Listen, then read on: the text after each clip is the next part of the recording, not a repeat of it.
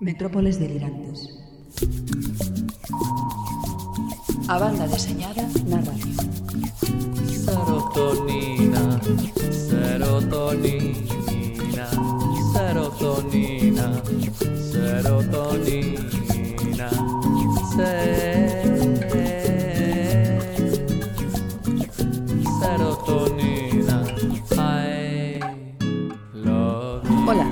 Son Nieve Rodríguez e aquí comeza a 67ª emisión das Metrópoles Delirantes.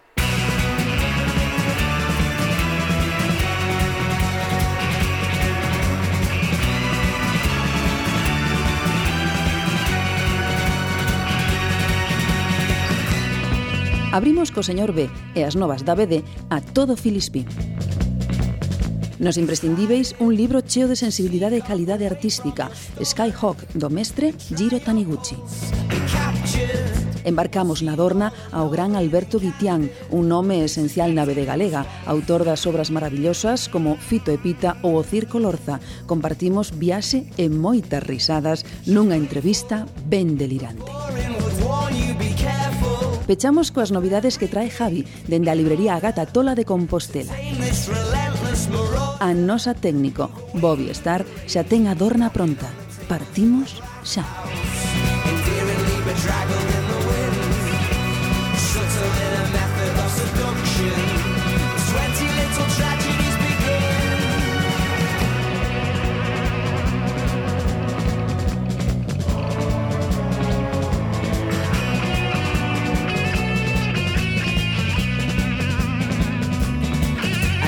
throw a feather boa in the road if she thought that it would set the scene. Unfittingly dipped into your companions, enlighten them to make you see. And there's affection to rent, the age of the understatement, before the attraction ferments. Kiss me properly and pull me apart. Affection to rent. Of the understatement. Before this attraction ferments. Kiss me properly and pull me apart.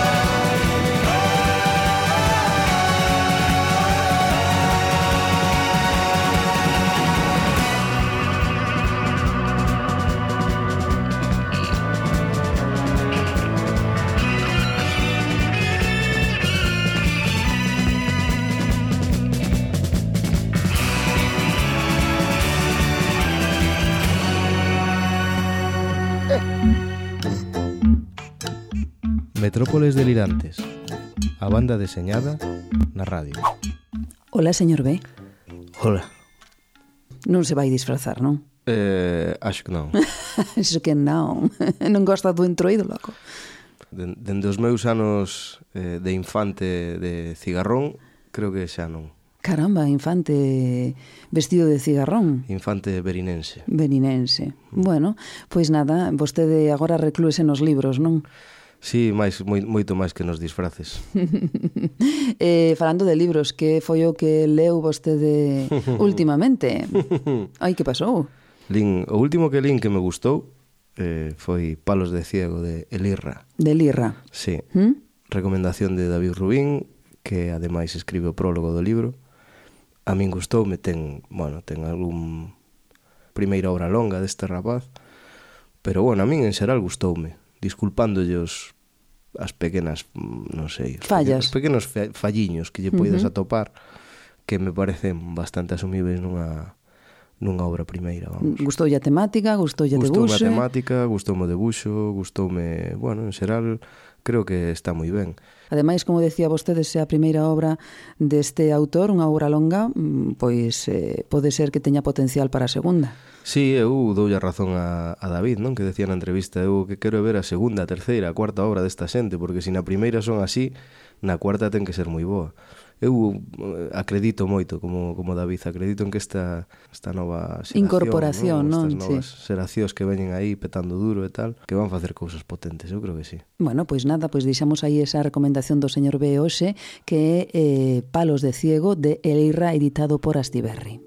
Bueno, e imos xa a fundirnos de cheo nas novas da BD, comenzamos por Compostela, non si? Sí? sí, comezamos eh, cunha nova que di que no mes de marzo inaugúrase no Auditorio de Galicia, en Santiago de Compostela, a Mostra Internacional de Ilustración Contemporánea e ao longo de tres meses poderemos gozar dunha mostra colectiva de máis dun centenar de pezas representativas do que se está a facer dentro da ilustración de vanguarda a nivel mundial e a chegarnos o traballo de algúns dos artistas máis influentes deste século – Por suposto, non faltarán representación, non faltará representación galega, xa que o noso país estáse a converter en referente grazas a novos artistas que están a marcar tendencia cos seus traballos.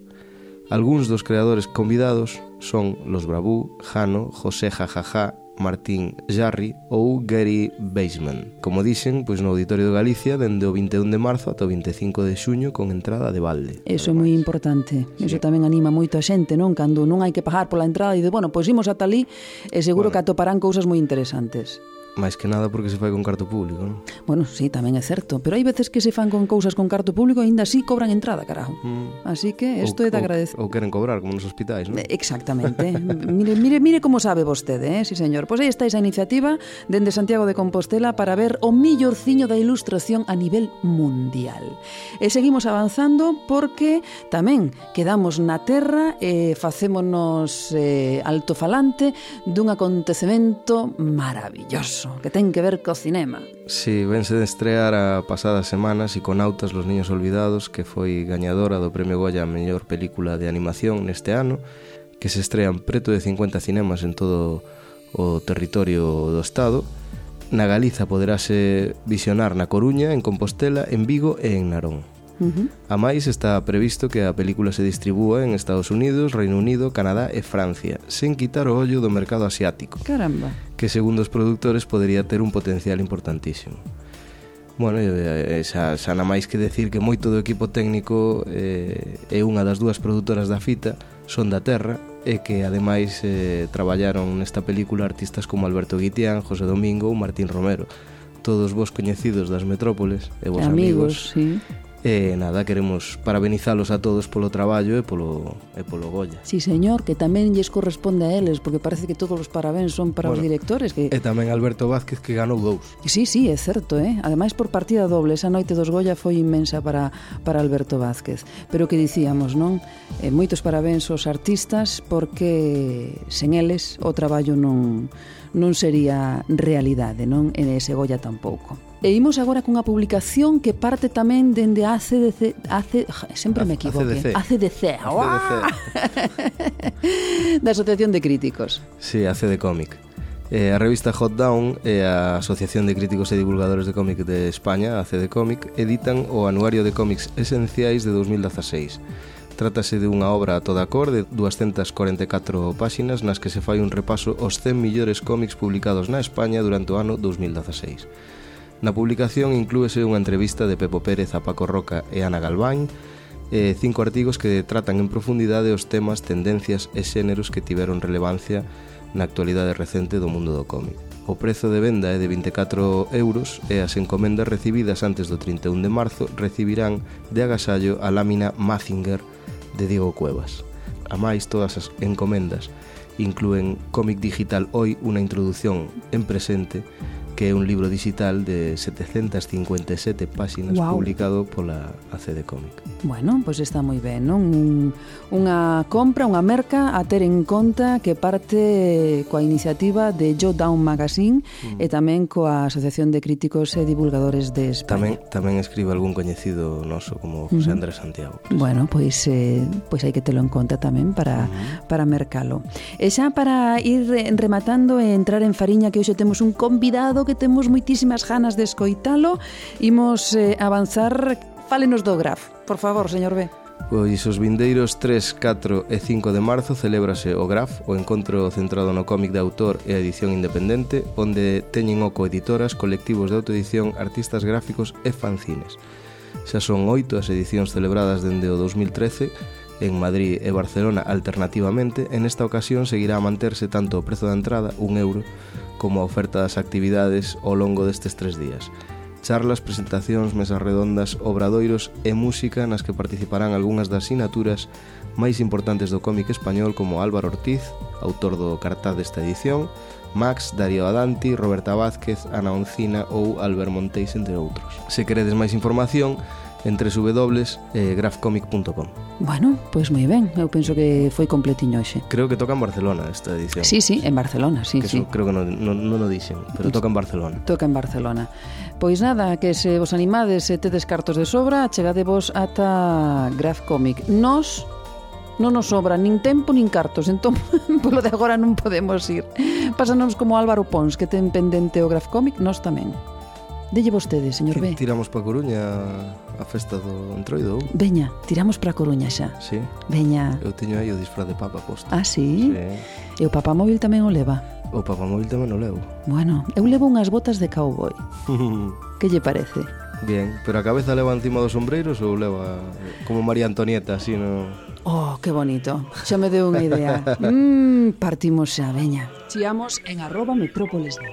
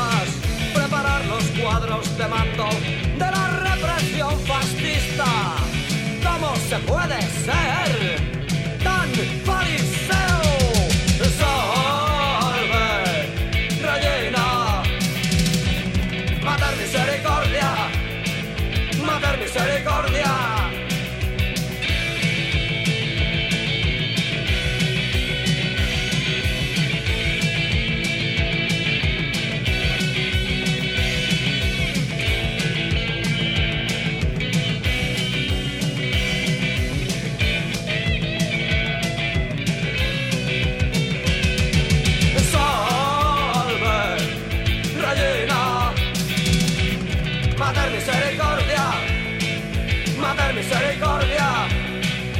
Control económico es control del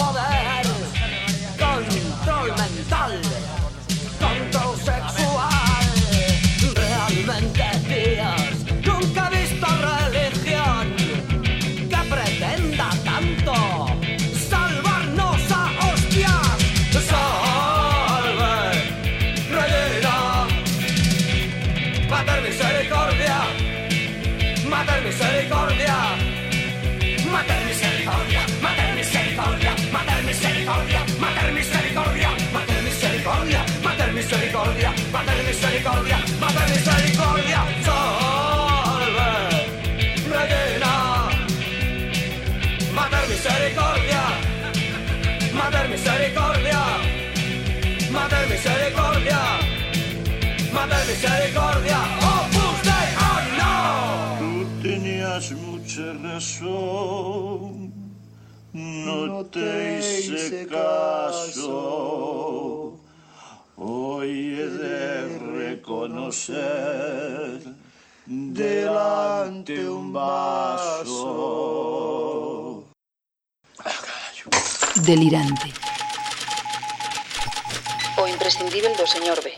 Título da obra. Skyhawk. Autor. Jiro Taniguchi. Editorial. Ponent Mon. Ano da primeira edición. 2010 Formato. Rústica. Número de páxinas. 288 Xénero. Western. Lingua. Español. Prezo. 17 euros. Sobre a obra. Skyhawk é o relato de dous samurais xaponeses emigrados a Estados Unidos logo dunha grande derrota no período de guerras civis da Revolución Meiji. Taniguchi conta como é o encontro entre dous guerreiros japoneses e os indios. Nel describe os seus intercambios, puntos en común, xeitos de pensar, así como a súa relación coa natureza e o seu xeito de afrontar a vida e a morte. Para dotar de maior realismo a historia, Taniguchi describe no medio do relato a batalla entre brancos e indios na que o famoso General Custer perdeu a vida. O autor mostra nestas páxinas algunhas das constantes da súa obra, como amor por a natureza, a vida ao aire libre ou o espiritualismo oriental a través de situacións e escenas de grande beleza.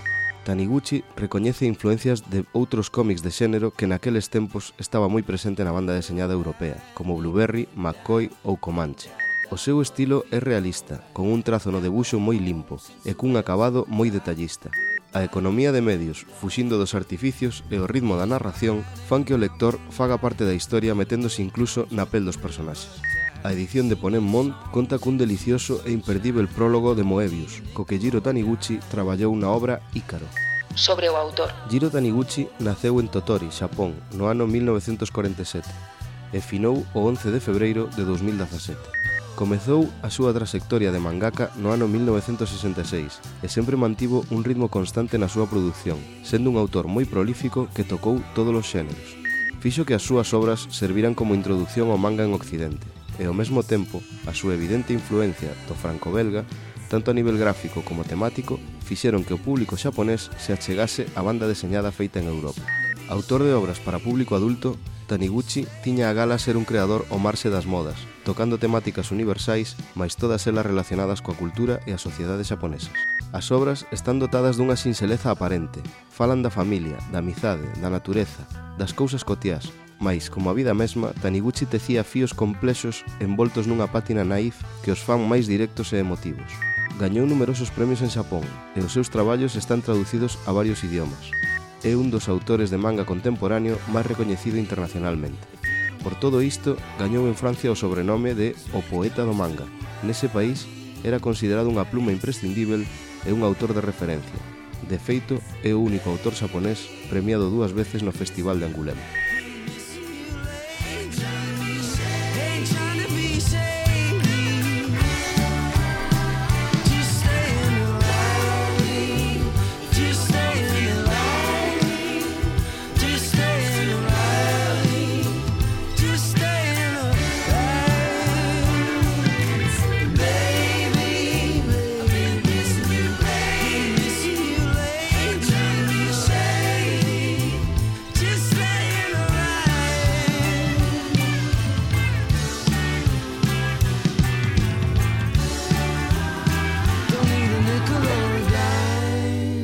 noso convidado de hoxe foi un dos primeiros que tivemos cando as metrópoles delirantes votaban a andar hai xa tres anos. Mais, curiosamente, esta é a primeira vez que ven de visita, xa que daquela faláramos por teléfono para parolar da exposición Circo Lorza.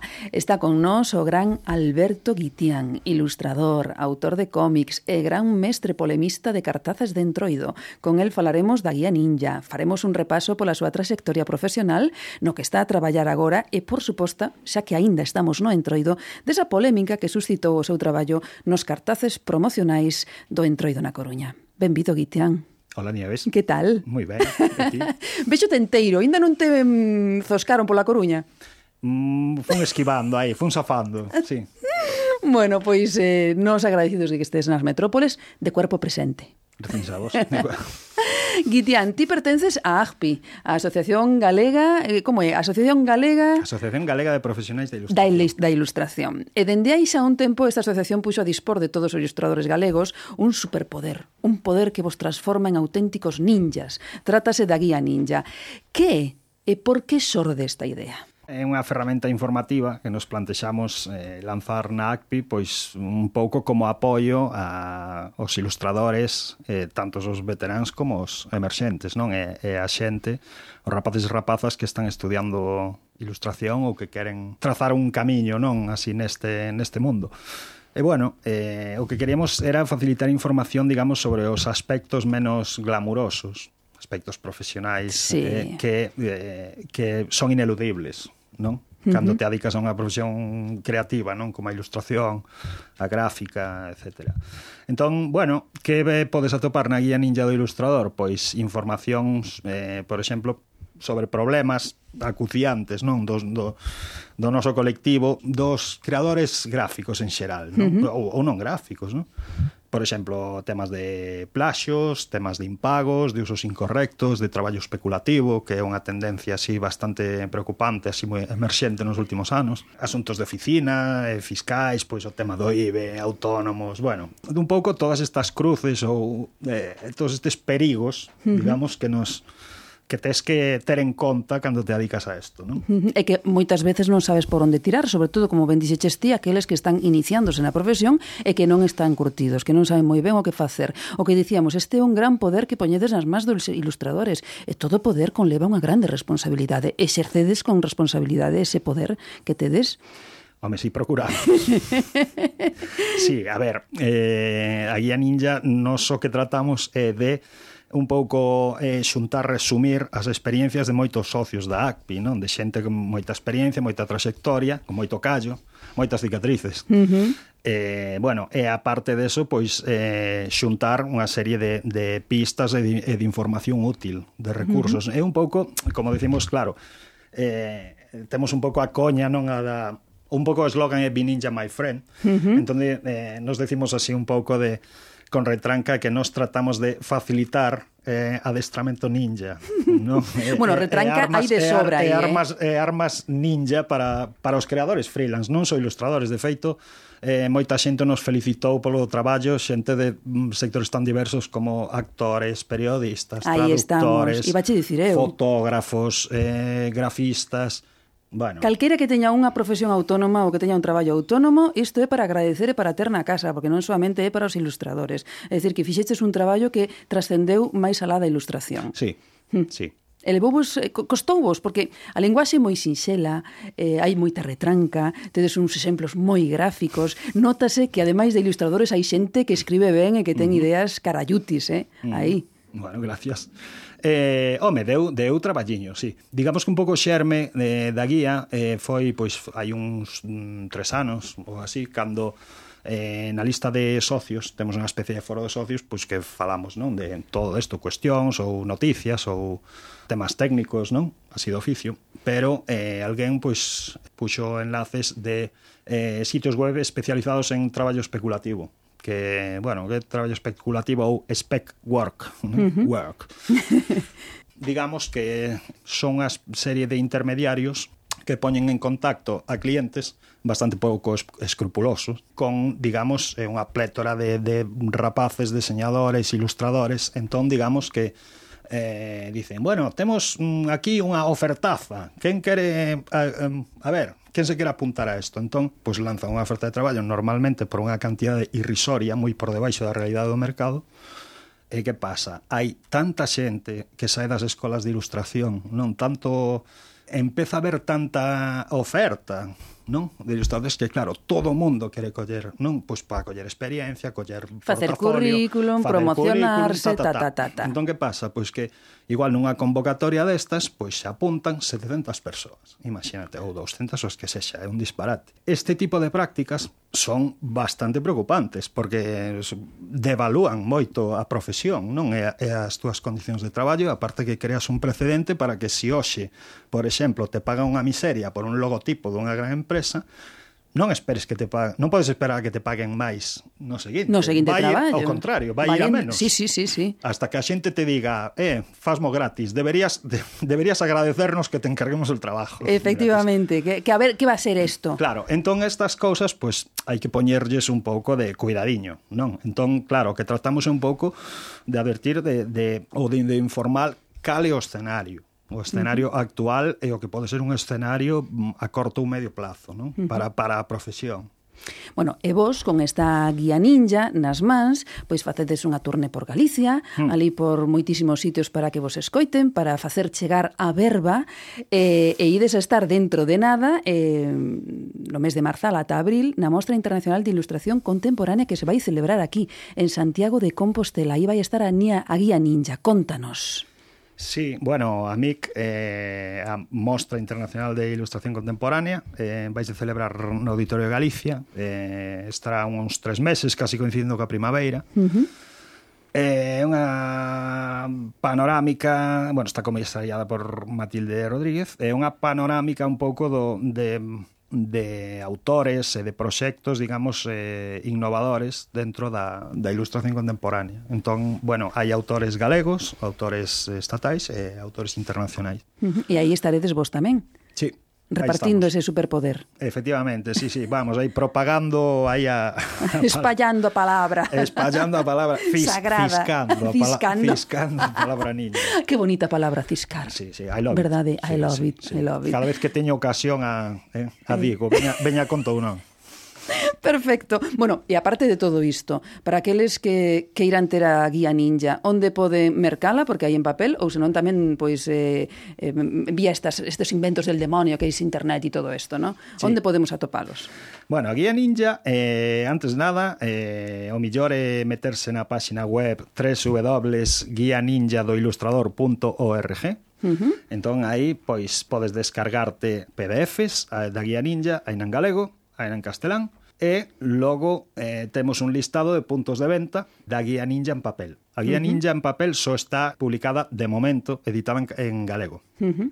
E quedan moi poucas unidades, fixemos eh, a, vamos, a primeira edición foron mil exemplares, e a verdade quedan pouquiños. Así bueno. que a xente que queira facerse coa súa copia que, que busque no listado e que vaya rápido por ela. E aparte, ten un superprecio de un euro. Bueno, bueno, sí. mi madre querida, la ruína de Palmira vai ser eso, para quen queira comprar. Bueno, eu xa vos adianto que en todas as librerías especializadas de cómic en Galicia, ou casi todas, está presente a guía ninja, pero como di Guitián, hai que entrar na página web, eh? Efectivamente. botar unha ollada e saber onde se sí, merca. E, e a guía podese conseguir en, en calqueira das sete capitais galegas. Bueno, pois mira unha cousa, Guitián, como levamos xa 10 minutos falando mundo da guía, vamos Xa. a tirar, sí, vamos a tirar por outros lados. Bueno, hai outro superpoder que caracteriza a Guitián, é a súa obra personal, a súa trayectoria profesional, que o confirma como unha das figuras chave da BD na Galiza. Unha carreira que comeza long, long time ago, como din os ingleses, licenciándose en Belas Artes en Pontevedra. Vamos a ver, Guitia, todos los dibuixantes que pasaron polas metrópolas delirantes que, for, que están licenciados en Belas Artes, tanto es en Pontevedra ou non, sempre votan por fora dicindo que na carreira non se lle fai caso ao cómic, que era unha rama eh, marxinada, Apest, apestada. apestada. Era de losers o cómic. Efectivamente. Sí. E vas ti e decides dedicarte ao cómic, á ilustración Ti, pero ti non te plantexaches, por exemplo, dedicarte á conservación de bens culturais e obras de arte ou algo máis tranquilo como anticuario? Anticuario. Home, máis que anticuario me tiraría máis ladrón de antigüedades. De guante blanco. Non, é certo, pero vamos a ver, ti reafirmaste, non? Ah, sí. Sí. Que non queredes saber nada do cómic, pois pues eu vou facer cómic. Sí. Foi vamos, así. eh, si había... A ver, isto está cambiando xa un pouco, non? Que pasa que, bueno, si teñen prexuizo co tema do cómic e a narrativa gráfica, pois pues, é problema deles. Ti non vas contribuir a que o cómic sexa marxinado no, máis tempo, non? Non. e non te arrepintes, non, desa decisión? Que si non me arrepinto. bueno, fixen unha, fixen unha opo aí Ai, sí. Eh, unha, sí, unha, a long time ago. fixen unha opa profe de secundaria, pero non lle vin aí... Non? Non non me tiraba. Non te tiraba. No. Tampouco te tiraba o de... Porque lin que foches auxiliar de veterinaria. Ah, sí, sí, sí. Tampouco se tiraba eso. Ademais, iso ten que ver con... No, eso foi unha cosa así circunstancial. eh, ora, ora vou che contar a batalliña da abuelo Cebolleta. Entera. Veña. Eh, eu acabei a carreira en Pontevedra, entón, pois, bueno, eh, o que che decía antes da OPO, non? Pois antes se facía o CAP, agora creo que é un máster ou que Sí, cambiaron anos, as cousas bueno. un pouco, Antes sí. era unha cousa que facías en 4 meses, así pim pam. Uh -huh. E o tiñas que facer sí ou sí para poder opositar, non? Entón, entón dis, bueno, vamos Veña, a facer, vamos a facer. non vai a ser un, por un, un por se as caso. entón, eu vol, eh, voltei a Lugo e apuntei meu CAP. Eh, bueno, pois para ter así como traballo eventual, xurdirme isto de un traballo de auxiliar de veterinaria. En que consistía o traballo? Bueno, pois había que ir por explotacións ganadeiras así dos alrededores de Lugo A mí xa me está dando a, a, ver. a perseguir xatos, eh, marcarlos e poñerlles un crotal. O crotal é unha especie de piercing que sí. levan na orella donde vai toda a identificación, sí, non sabes, sí. do, do tal. Bueno, pois pues eso, eso era o meu traballo, o sea, cowboy, vamos así resumindo, non? Entón, íbamos, iba ali coas miñas catiuscas e eh, entrábamos en todo canto cortello había no Concello de Friol e eh, de... Que, Seguro que ainda, de ainda, ainda Debe, se decimos guitión. O señor, eh. o señor B debería poñer country agora mesmo. Para Ghost, non? Ghost Riders in the Sky, por favor. Okay. Seguro que se disguitian en Friol, seguramente que se lembra dele aínda agora. Sí eu, ou non? Pois non o sei. Eu, eu imagino que tían vestido de cowboy con, con súas botas campeiras. Con ca, catioscas campeiras.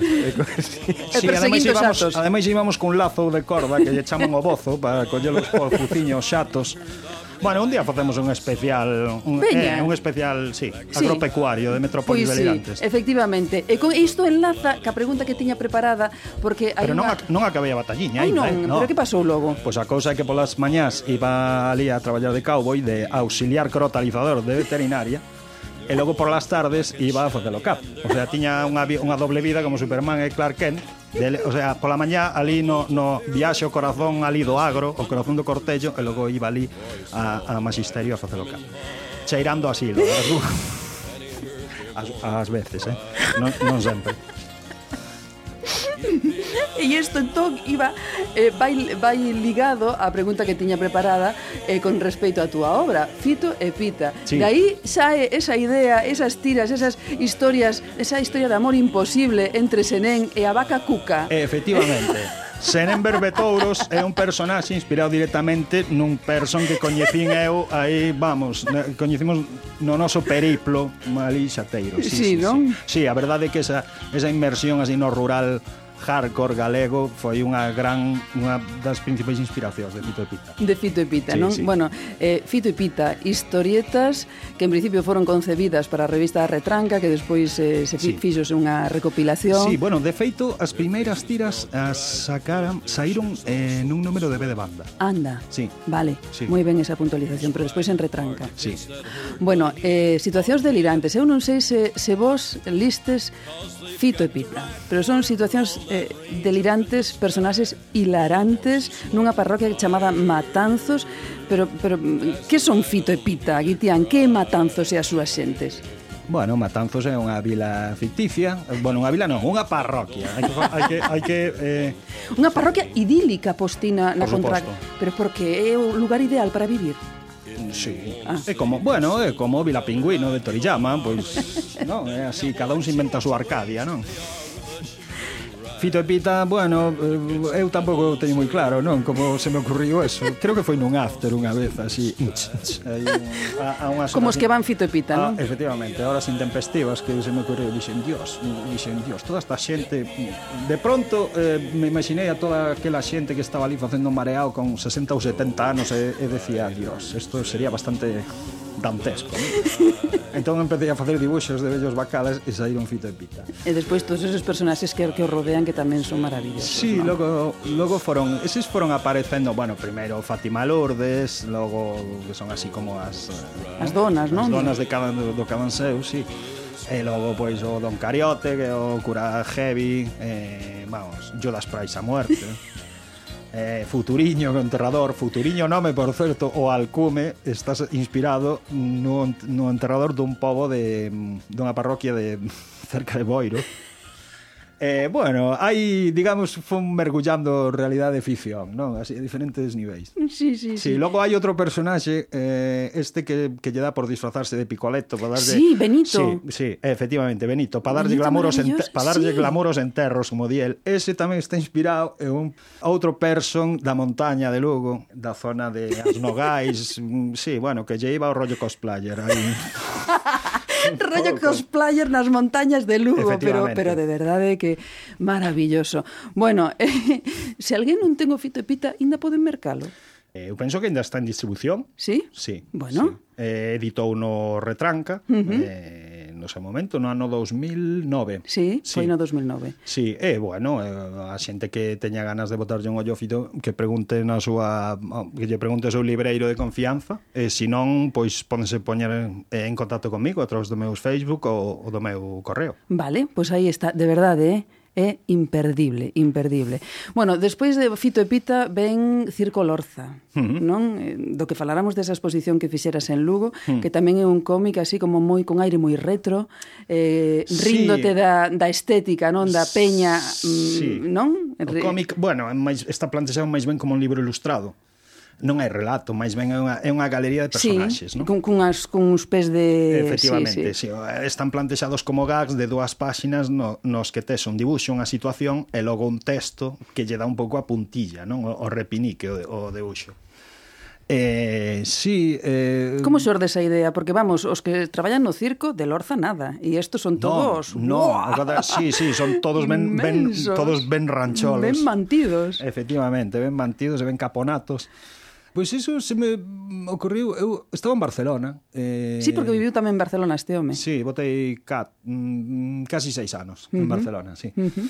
Pois nada, garabateando un día, a ver, eu teño feito moitos cartéis para espectáculos de Novo Circo, de, bueno, moitas cousas aquí en, en Compostela, non? Con xente, cousas para NASA, cando sí, facían sí. cousas de Novo Circo, un pista 4, eh, para shows de cabaret, bueno, un pouco así de esta onda, non? O que digamos a, a farándula, non? De artes escénicas e tal. Entón, bueno, a, a iconografía do, do circo xa tiña así bastante xa coñecía bastante de cerca. Entón, bueno, un día xurdiu a idea en garabatiños, así nun caderno pequeno, e empecé a dibuixar gordos, pero non sei realmente onde saliu a idea, pero un pouco, igual é unha especie de vendetta, porque eu sempre fui unha persoa bastante mm, torpe. Ah? Non, non, digamos que non son moi mm, Eh, as acrobacias nunca foron o meu. Ah, vale, vale, vale, bien. Torpe, sí. quero decir, sí, a sí. nivel eh, pegar pinch, eh, pinchacarneiros sí, ou sí, sí. saltar de trampolins ou... Que nin eres elástico ni nada. Bueno, a eso ás veces sí.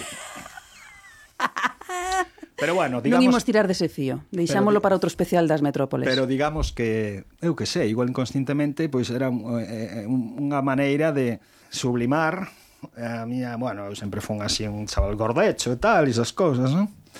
un pouco de sublimar esa, non? esa cosa que... A ver, a min pásame, por exemplo, co circo, que cando ves cousas de acrobacias, non? Ou de, ou de funambulistas ou tal, ou, ou, ou a xente que fai trial. O sea, que a mí me parece unha cosa sobrehumana, que dis, como é posible facer eso, non? Desafiar a gravedade.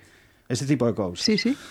E bueno, eu penso que saliu un pouco de aí, non? Se xurdiu fío de, de eh, a premisa de, de coller os artistas de circo e ver que pasaría se si estiveran todos fondos. Orondos. Orondos. Outro, outro gran palabro. Sí, señor. Me gusta orondos. que uses ese palabra. Niñas. Verdade que sí, eh? Mira, son unha persona un pouco lida son, eh? Non como a xente da, algunha xente da Coruña, que depois xa falaremos dela. Non no sei de que me habla, eh? non sei de que me habla. Bueno, poderíamos falar de, da obra de Guitía moitísimo máis de Petaco, que tamén sei Tamén sei que Petaco foi unha inspiración de alguén de Pontevedra, dun, sí, sí non? Sí, Ese personaxe sí, sí, sí, tamén sí. que foi un spin-off doutra obra que saíra nunha revista. Efectivamente. Ah, efectivamente. Mira como estou enterada, eh? Te informas. Pero, sí, me informo, pero iso vamos deixalo para outra entrevista, okay. eh? Vale? Porque imos xa rematando, pero temos que falar desa polémica, desa gran polémica que sordeu estes días pasados ao redor dese traballo magnífico que fixo Guitian eh, para promocionar o, sen, o entroido mm, da cidade cidade da Coruña. Bueno, vamos a ver, Guitián, eh, todo isto que se montou con los eh, abogados cristianos reclamando unha, bueno, unhas disculpas e unha pasada. Depois o arcebispado de Santiago de Compostela tamén criticando eses cartaces, pero dicindo ao mesmo tempo que non se parecía en nada ao Papa, que eso tamén é unha contradicción. Eso indica o grado de palurdez que temos con respecto a certas cousas. Un pouco, sí. Claro, ti, como fixo. O, o poderíamos decir, en efecto. En efecto, non? Sí. A ti como, ches, como, como viviches todo isto? Dicir, dices, tú mi cago en tal, pero que armei eu aquí? Eu, a palabra que definiría esta semana, eh, non? De todo este pifoste foi berlanguiano. Sí, non? De película de Berlanga. Sí, sí, sí, sí. O Edazcona, vamos, o guionista de Berlanga. Sí, sí. sí. Non esperabas nada desto, claro, no. dices tú, bueno, Non, non, non, a min colleume de surprise totalmente. De feito, vamos, é un, a ilustración é moi naive.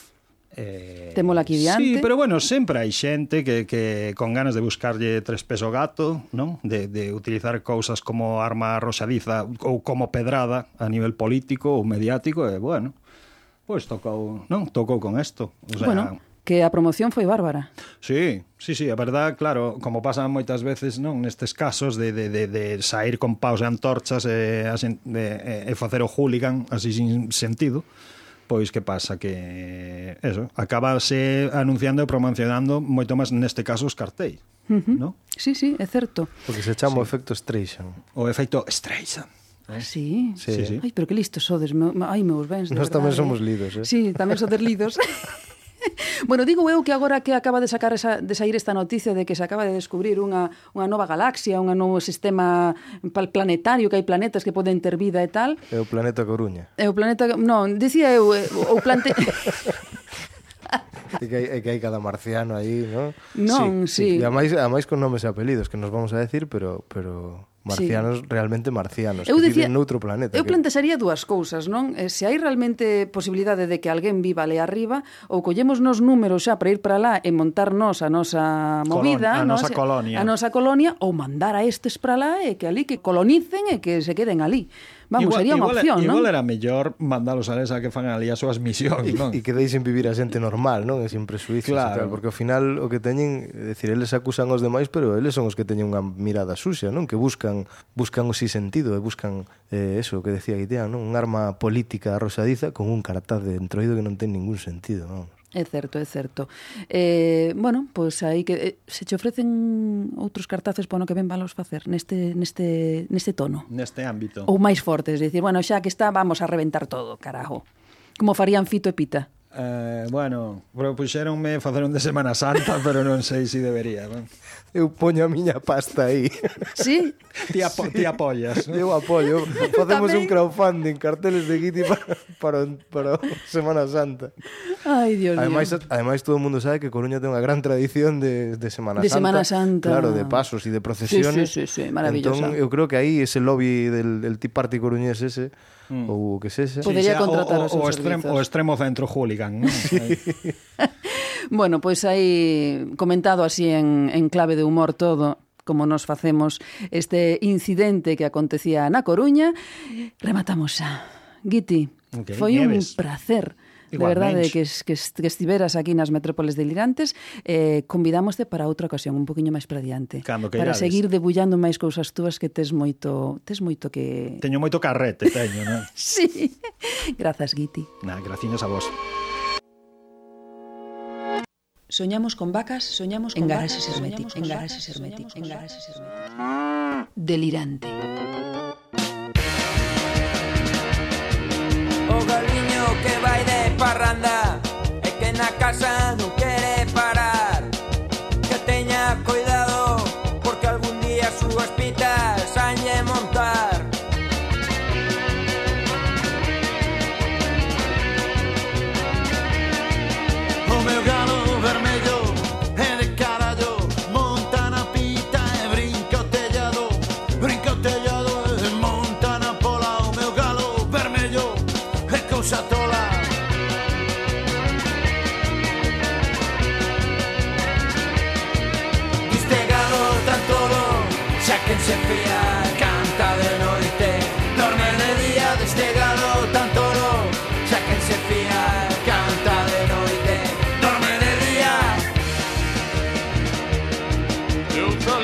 que eu tenho.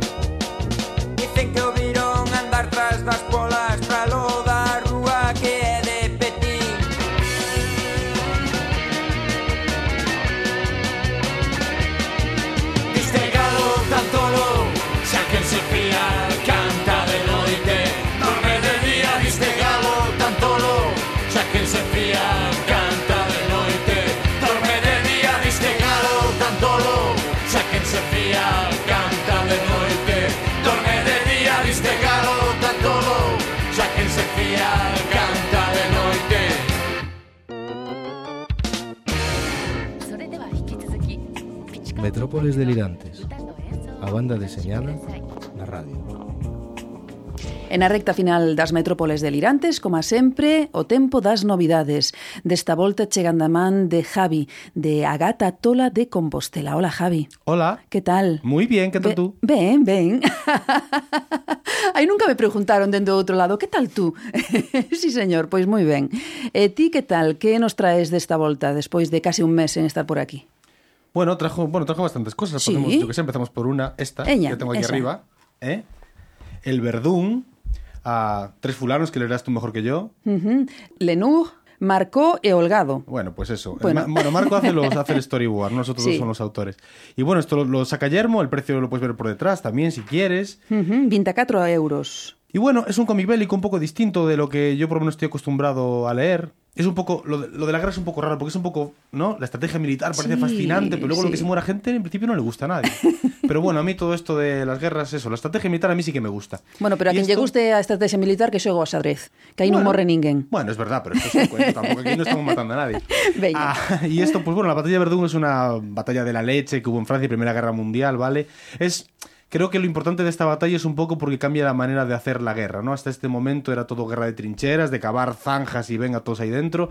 Y aquí, pues Alemania empieza una guerra de desgaste y bueno, pues ataca una posición francesa, que bueno, esto en Francia es la leche. Cuando lees el cómic también notas que hay orgullo patrio Sí, detrás. non, aí... Un poco sí, es un poco, bueno, sí, se nota el orgullo Patriota. patrio, sí. Sí.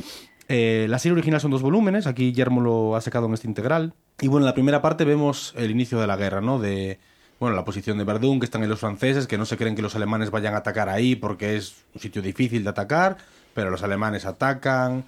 Y bueno, es, es muy curioso todo el principio, como por qué unos no, no, no piensan que eso va a pasar, cuál es la posición alemana y por qué atacar ahí, cómo la lluvia les zafa un poco el culo a los franceses. Bueno, está, muy- es muy, está guay, yo, a mí me gustó mucho.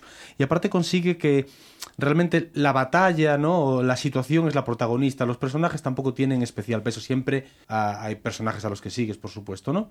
Pero se nota que es, es la guerra lo que está, la protagonista de todo esto. Y en el segundo volumen, la, el asedio del Fuerte Baus o la guerra del Fuerte Baus, o como, bueno, en francés, como, no sé cómo se traduce aquí, ¿verdad?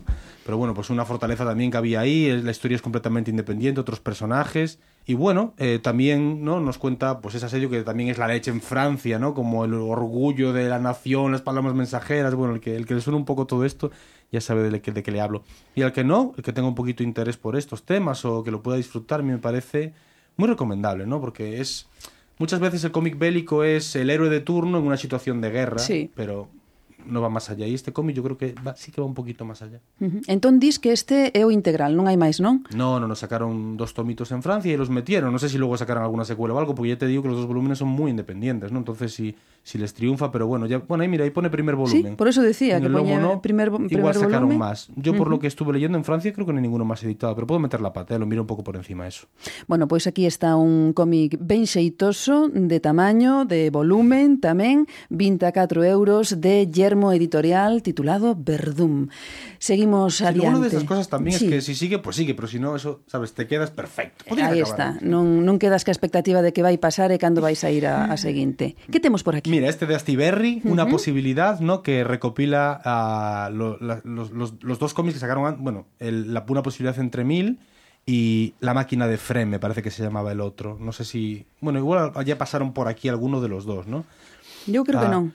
Bueno, los autores se ven en una situación complicada, ¿no? Les nace una niña con, bueno, eh, muy mal nace la niña, ¿vale? El- tienen la, la situación de decir, dejar que la niña no siga adelante o intentarlo con todas las consecuencias que, que eso pueda tener, Sí, ¿no? sí. Es una historia un poco de, no sé si de superación o de, acep- de aceptación, perdón.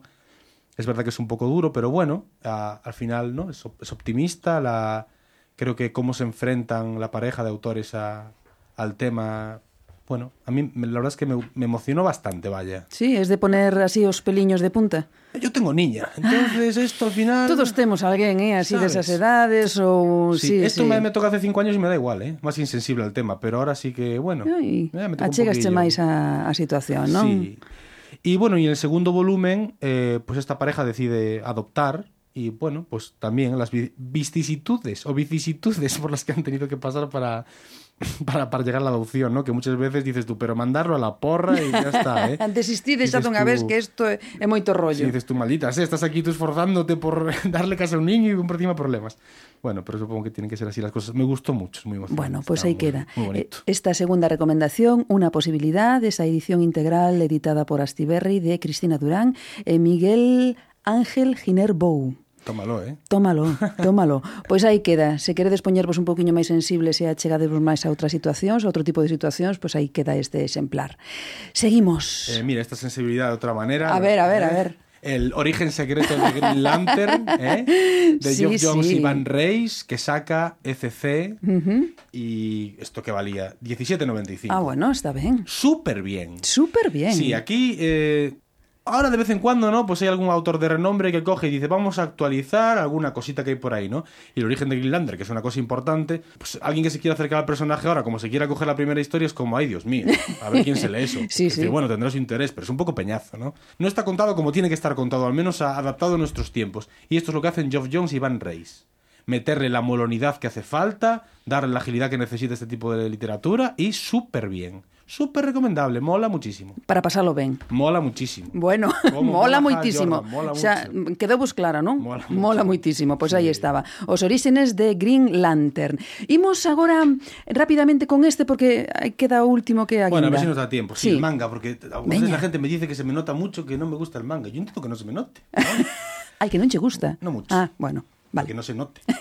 Este es el Master Keaton Remaster de. Urasawa y compañía. No hubo problemas con esto cuando sacaron el primer Master Keaton. Aquí llegó un poco tarde, pero Urasawa tuvo bueno algún problemilla con el creador original. A mitad de la serie el otro lo dejó. Bueno, debe ser un tío un poco insoportable a lo mejor el Urasawa. Tuvo problemas con el otro, vaya. Y aquí vuelve pues mucho tiempo después no recoge el personaje. El Master Keaton, el protagonista, es como Indiana Jones, profesor de arqueología, pero en secreto investigador de seguros y a deshacer entuertos por ahí, ¿no? Muy variados, no son historias cortas. Pues aquí, yo qué sé, pues en una te, está investigando en Italia una red de prostitución, en otra un mafioso lo contrata para que lo escolte para atravesar Croacia, en otra se encuentra con un amigo de hace tiempo y está jugando al ajedrez y contándose su vida, es una pasada. Es muy entretenido. A mí Urasawa, mira que cuando alarga las cosas, pues tampoco me gusta mucho, pero eh, en este rollo entretenido yo creo que lo domina a la perfección. E isto cantos volúmenes son?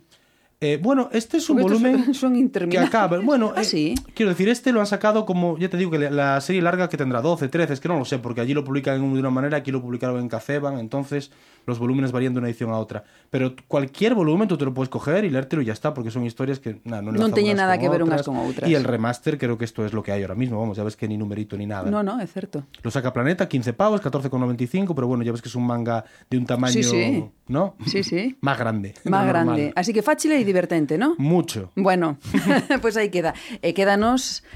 Ay, bueno, Traje el rastreador porque Claro. se murió Taniguchi, ¿no? Sí. Y yo creo que, bueno, a- así de los mangas que yo me he leído, Taniguchi siempre tiene los mangas un poco más emotivos o más nostálgicos, ¿no?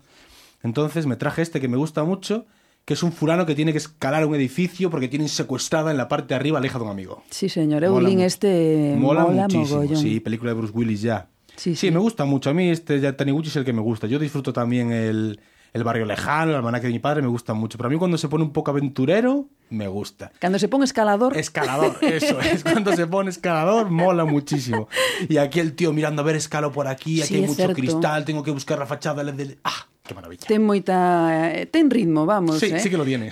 Como diste, no, acostumados a mellor outro tipo de obras que son máis tranquilas, máis melancólicas, máis de pensar, introspectivas, esta... Sí, sí, aquí no hay nadie que sufra demasiado, ¿verdad? Bueno, pois nada, esta derradeira Eh, recomendación de hoxe, el rastrador de Giro Taniguchi. Bueno, pois eh, deixámolo aquí logo. Habrá que dejarlo aquí. Sí, non? Ai, que pena. Bueno, Javi, moitísimas gracias. A ti. Ata vindeira vez. Hasta a próxima. Chao. Chao. Me echaron droga delirante en el colacao. Imos ir rematando esta viaxe pola banda deseñada que comenzaba coas novas da BD. O señor B quixo lembrarnos imprescindíveis o recentemente finado Jiro Taniguchi e recomendou a súa obra Skyhawk, unha visión oriental e delicada do Far West norteamericano. Con Alberto Guitián, o cowboy máis creativo da salvaxe chaira lucense e gran mestre do crotal e o lápis, falamos da guía ninja da ACPI e da súa obra Vida e Milagres. As novidades viñeron no peto de Javi, dende a libraría a gata Tola de Compostela e ata trouxo manga, sen dúbida un misterio da psicomasia. Máis banda deseñada en metrópolesdelirantes.com e tamén no Twitter en arroba metrópolesde. El Embrade. Lede banda deseñada, que nos libros onde está a verdade, non nos altares nin nas coroas. Metrópoles Delirantes. A banda deseñada na radio.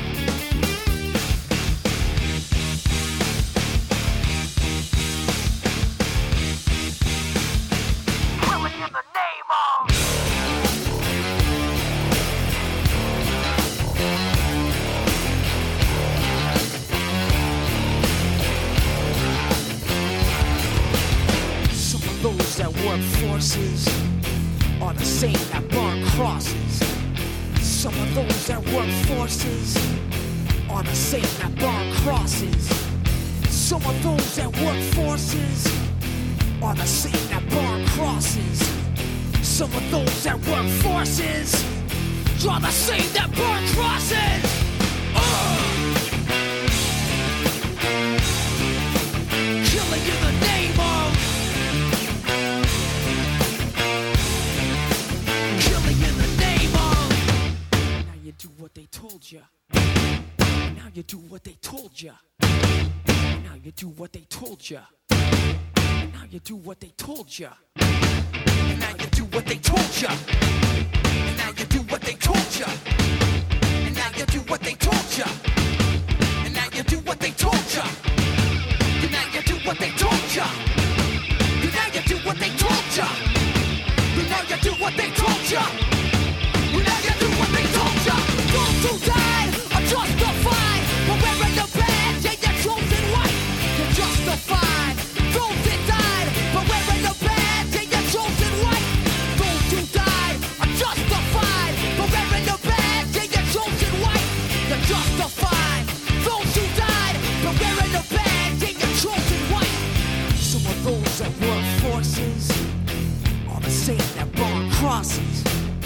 Some of those that work forces are the same that burn crosses. Some of those that work forces are the same that burn crosses. Some of those that work forces are the same that burn crosses.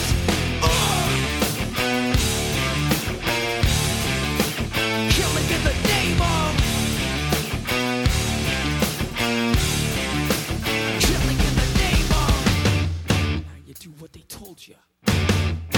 you do what they told you. And now you do what they told you. And now you do what they told you.